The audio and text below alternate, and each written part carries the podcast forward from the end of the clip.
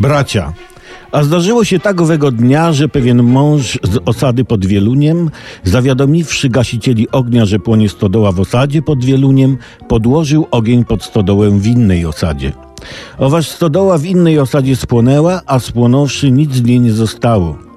Jedni mówili, że zostało tylko pogorzelisko, inni im zaprzeczali, prawiąc, że to popielisko.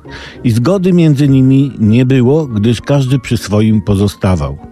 Jednakowoż i ci, co mówili, i ci, co prawili, zgadzali się, że stodoła spłonęła, gdyż drewnianą była, a jak twierdzą uczeni w piśmie, o czym i ci, i ci wiedzieli, drewno pali się, gdy ogień do niego przyłożyć, jako uczynił ten mąż, co podpalił stodołę, która będąc drewnianą spłonęła.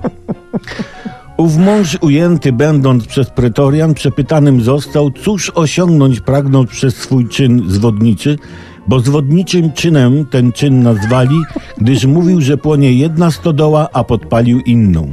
Ów milczał, a jeden z pretorian rzecze mu, człowieku, czy prawiąc nieprawdę, że płonie stodoła ta, która nie płonęła, chciałeś się upewnić, że spłonie ta, która spłonęła? Pytany mąż nie odrzekł nic, a oni poczuli, że prawdę odgadli, radować pospołu się zaczęli, że dowiedzieli się jak było. I tak to dowiedziawszy się, więcej w niepewności nie trwali. Tak więc, bracia, napominam was, nigdy nie słuchajcie tych, co wam mówią, że stodoła płonie, tylko zawsze gaście inną.